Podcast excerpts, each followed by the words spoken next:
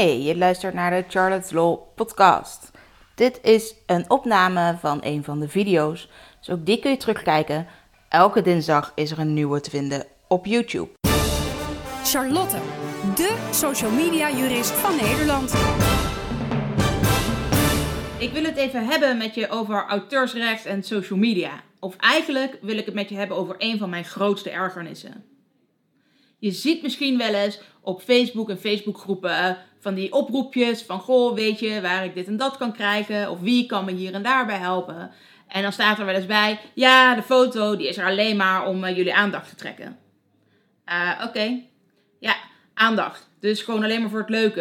Er staat ook niet bij waar je die foto vandaan hebt. Of ja, bron Pinterest of zo. Maar niet wie hem gemaakt heeft. Juist op deze manier mag je die afbeeldingen niet gebruiken naamsvermelding, al had je die daarbij gezet, het zou gewoon niet genoeg geweest zijn.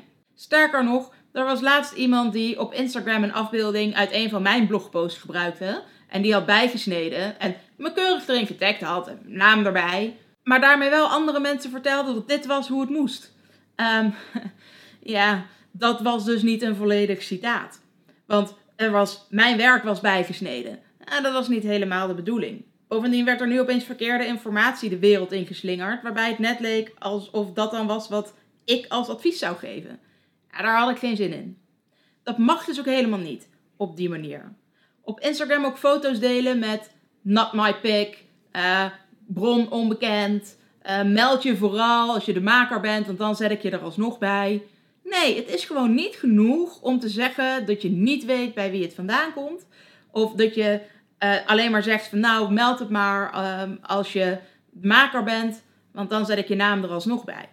Het uitgangspunt is dat de maker het auteursrecht heeft op die afbeelding. Dat betekent dat de maker mag beslissen waar het gepubliceerd wordt en door wie en hoe en of daar wel filtertjes overheen mogen. En of het wel vierkant bijgesneden mag worden. En tuurlijk, heel veel mensen vinden het prima als je werk van een ander deelt met naamsvermelding. En vooral op Instagram lekker met een tag, zodat je kunt doorklikken. Maar niet iedereen zal daar blij mee zijn. Vooral niet als jouw account daardoor opeens allemaal aandacht trekt en wel allemaal likes krijgt en wel allemaal comments krijgt en de originele maker niet.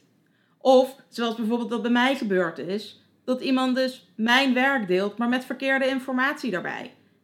dat, je, dat zorgt voor een negatief idee over wat ik nou vind van dit auteursrecht en hoe ik vind dat dit werkt of de informatie die ik geef. Kortom, wil je beeld van een ander gebruiken en heb je het niet nodig voor de inhoud en doe je het vooral omdat het mooi is en om aandacht te trekken, weet je niet waar het vandaan komt, gebruik het dan niet. Weet je wel waar het vandaan komt, vraag gewoon even over om toestemming. Zo moeilijk is dat echt niet. Laten we gewoon lekker eerlijk met elkaar zijn, ook op social media. Zullen we dat afspreken? Top. Dankjewel. Dan ga ik ook niet zomaar beelden of ander werk van jou gebruiken.